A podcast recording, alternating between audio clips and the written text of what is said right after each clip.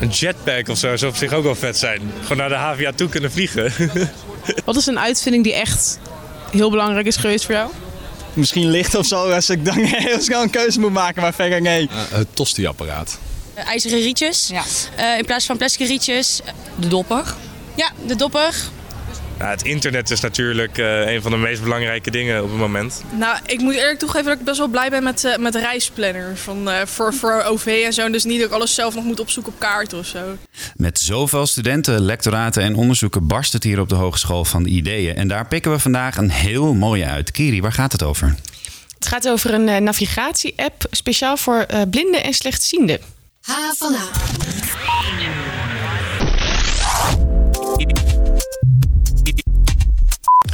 Fijn dat je luistert naar onze podcast.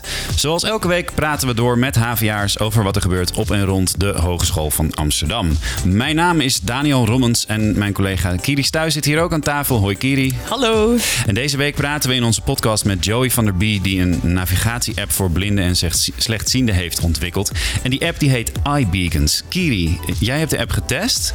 Ehm, ben je zonder kleerscheuren de Wieboudstraat overgestoken? Nou, eh, net aan. Ik ben blij dat ik me vast kon houden aan, eh, aan Joey, de onderzoeker. Oké, nou ja, Joey komt straks bij ons aan de lijn. Eh, we praten daar straks over verder. Maar ik wil eerst even langs een paar andere verhalen van de afgelopen week. Ja, want jij was woensdag op de Dam, toch? Bij de lerarenstaking, de demonstratie? Ja, hele grote demonstratie. Het was heel druk. 10.000 mensen. Eh, leraren vooral natuurlijk. Die eh, aan de overheid vroegen om een structurele investering in het primair en voortgezet onderwijs.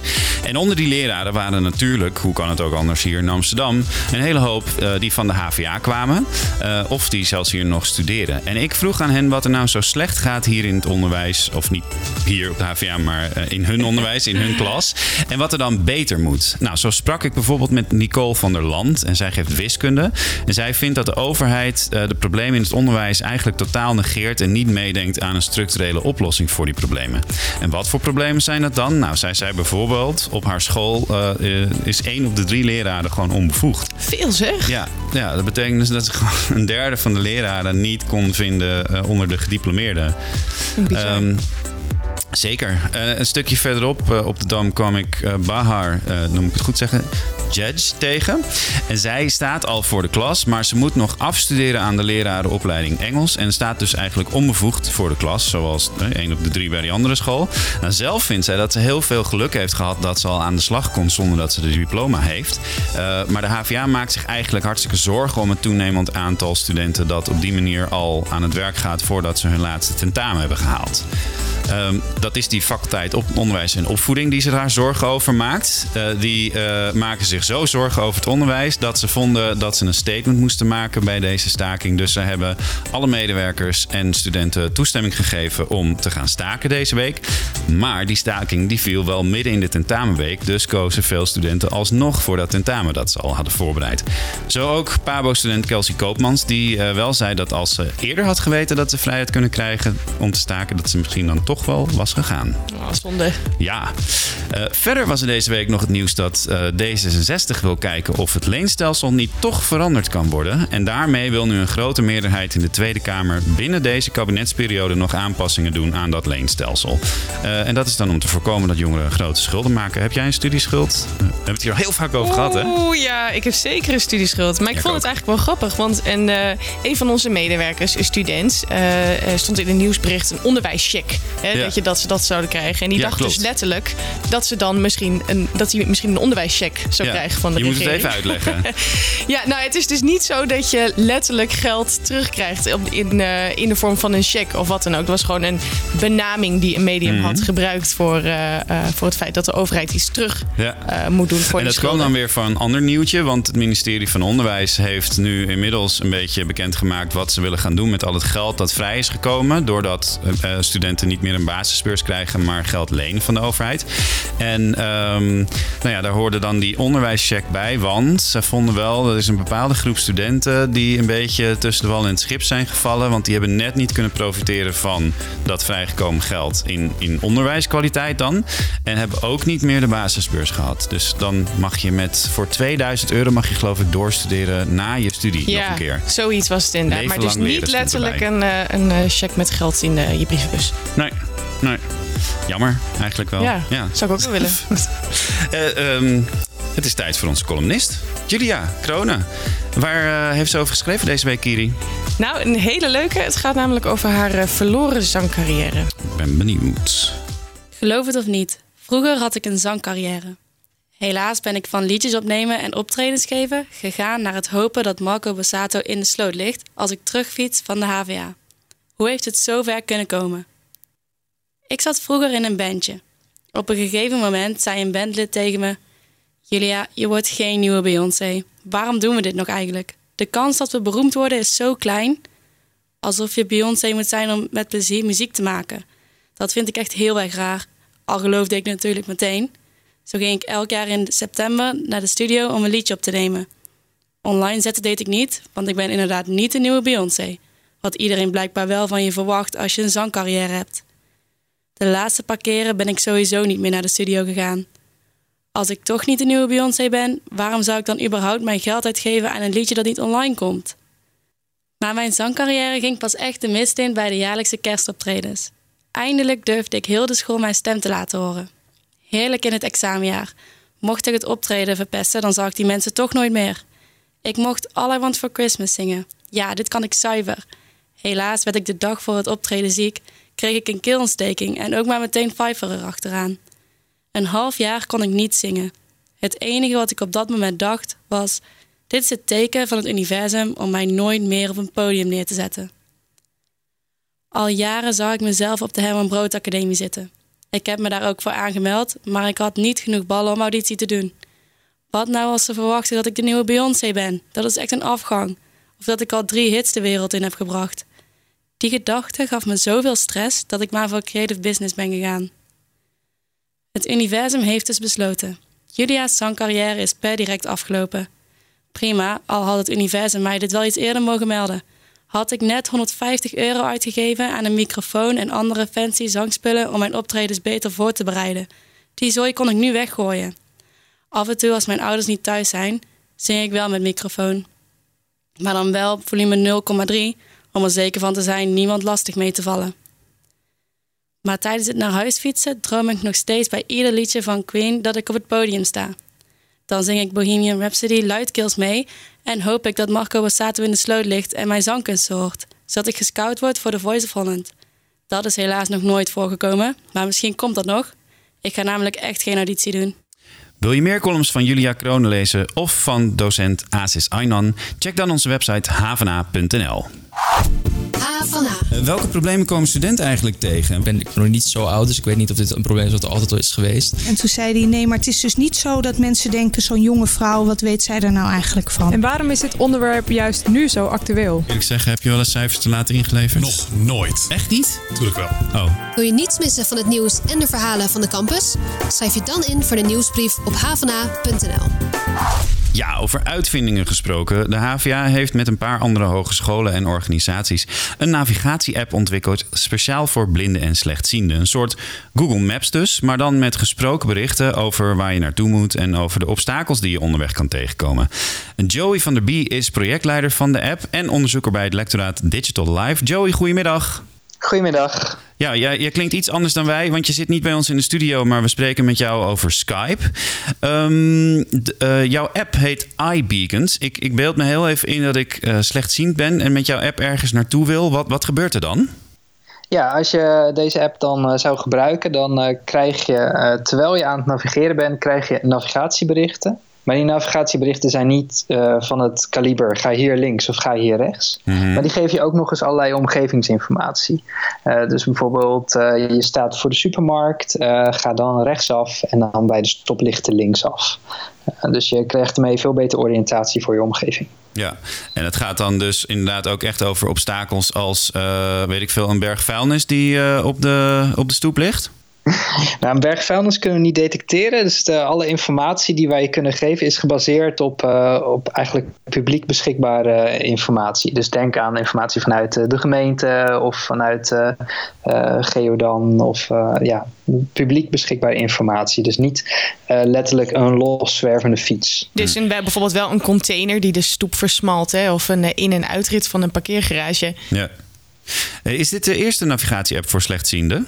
Uh, nee, eigenlijk uh, niet. Dus er zijn meerdere, in het verleden ook meerdere initiatieven geweest die verkend hebben uh, hoe zo'n navigatie-app eruit moet zien en zich moet gedragen.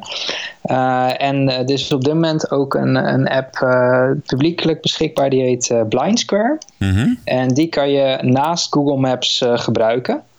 Um, en Blind Square geeft dan ook omgevingsinformatie, maar die geeft dat dan op een andere manier dan dat wij dat presenteren. En wat voor manier is dat dan? Uh, nou, Blind Square geeft uh, voor het overgrote gedeelte letterlijk het bericht als jij uh, bij een punt staat. Okay. dus dan zegt hij, kan hij zeggen je staat voor de supermarkt of je staat bij een kruispunt. En je kan het zelf ook helemaal instellen welke type bericht hij wel niet wil krijgen. Ja. maar hij ja, kan verder niet heel veel voor je combineren. Um, en onze, onze app, daar, ja, het is een prototype app, hè, dus het is een onderzoeksproject. Mm -hmm. dus de app is niet commercieel verkrijgbaar. Uh, maar bij onze app hebben we dus onderzocht hoe het is als je dan al die berichten met elkaar combineert. Dus dan krijg je één bericht in plaats van dat je iedere vijf meter een bericht krijgt. Um, ja. Is dat ook waarin iBeacons echt fundamenteel verschilt met die andere apps? Ja, dat is echt een, uh, een nieuwe aanpak. En vooral ook omdat onze berichtenstructuur is heel consistent uh, dus er zijn wel meerdere onderzoeken geweest in het verleden, maar die hebben nooit die consistentie gehanteerd. Dus die gaven bij iedere situatie een ander soort bericht.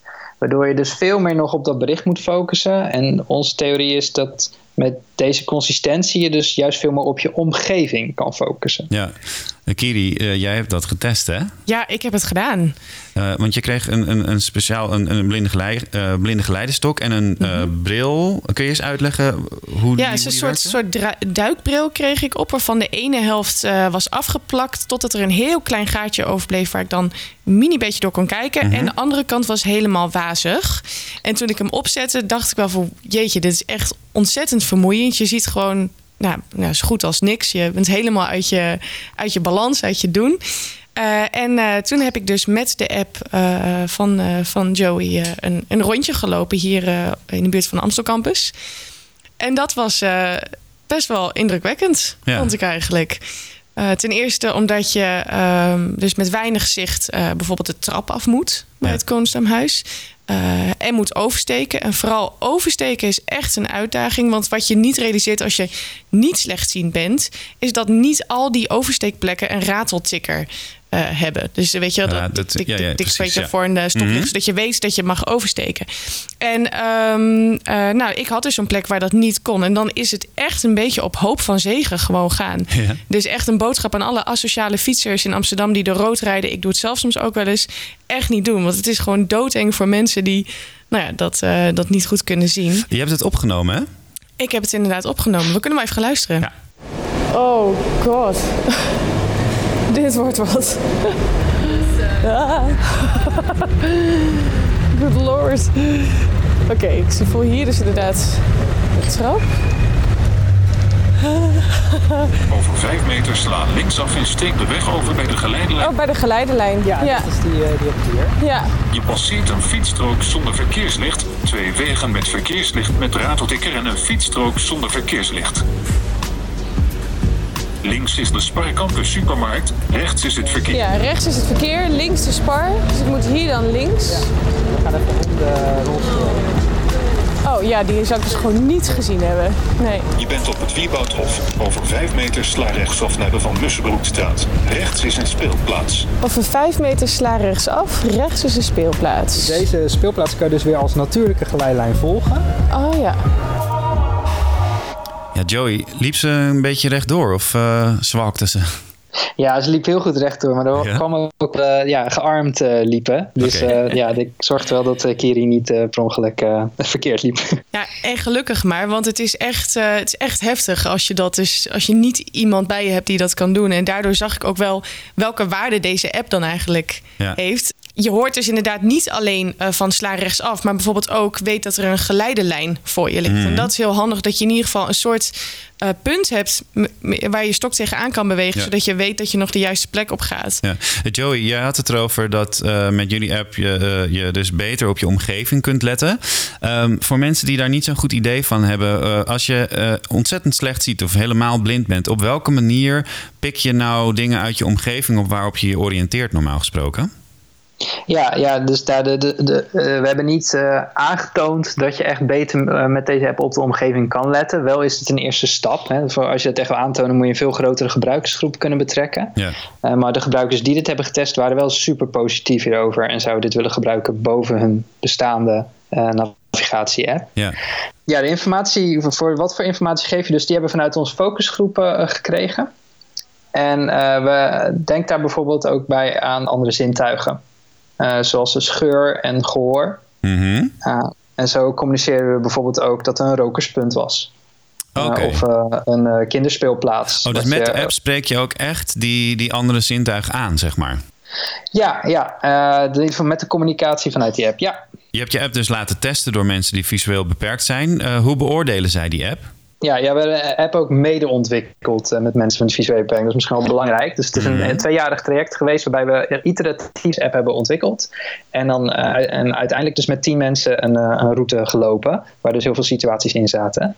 Um, en ja, ze reageerden daar dus zeer positief op. Wel wilden ze graag nog meer persoonlijk die berichten die kunnen instellen. Dat zat niet in onze test. Ze hadden gewoon de volledige maximale hoeveelheid informatie geïmporteerd. En verder wilden ze heel graag deze app dus uh, ge al gaan gebruiken. Alleen ja, is die helaas nog niet voor hun publiek beschikbaar. Ja, ik wou het vragen. Uh, je kunt hem nog niet downloaden dus? Nee, nee. daarvoor uh, hebben we eigenlijk nog een, een goede bedrijfspartner nodig. Die dit commercieel eigenlijk wil gaan, gaan oppakken. Ja. ja. wij zijn natuurlijk een hogeschool, dus dat, dat, dat, dat, doen wij niet. En ja, zeker voor iOS, daar moet je gewoon die app continu voor blijven onderhouden. Ja. En dat, uh, dat, ja, dat budget en die tijd hebben we gewoon niet uh, binnen een onderzoeksproject. Nee, precies. Dus uiteindelijk moet het gewoon uh, moet het idee verkocht worden aan een bedrijf. Ja, ja. En is de, de app wel op andere manieren al beschikbaar voor de doelgroep? nou, we geven toevallig 10, dinsdag 10 december geven we een demonstratie van de app en ook vergelijkbare initiatieven. Uh, op de Hogeschool van Amsterdam. Dus als mensen in geïnteresseerd zijn, dan kunnen ze zich bij mij aanmelden. Oké. Okay. Uh, en dan kunnen ze de app uh, eens uittesten. Ja, nou dan moeten we jouw mailadres even op onze site zetten. Of, waar, ja, of een linkje. Is er een website waar ze terecht kunnen dan? Ja, zeker. Dat, dat is denk ik het handigst. Of bij het ja. artikel.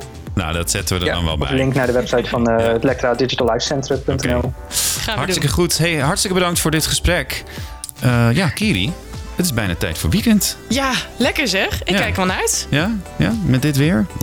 Mm, ja, dat slaan we dan maar even over.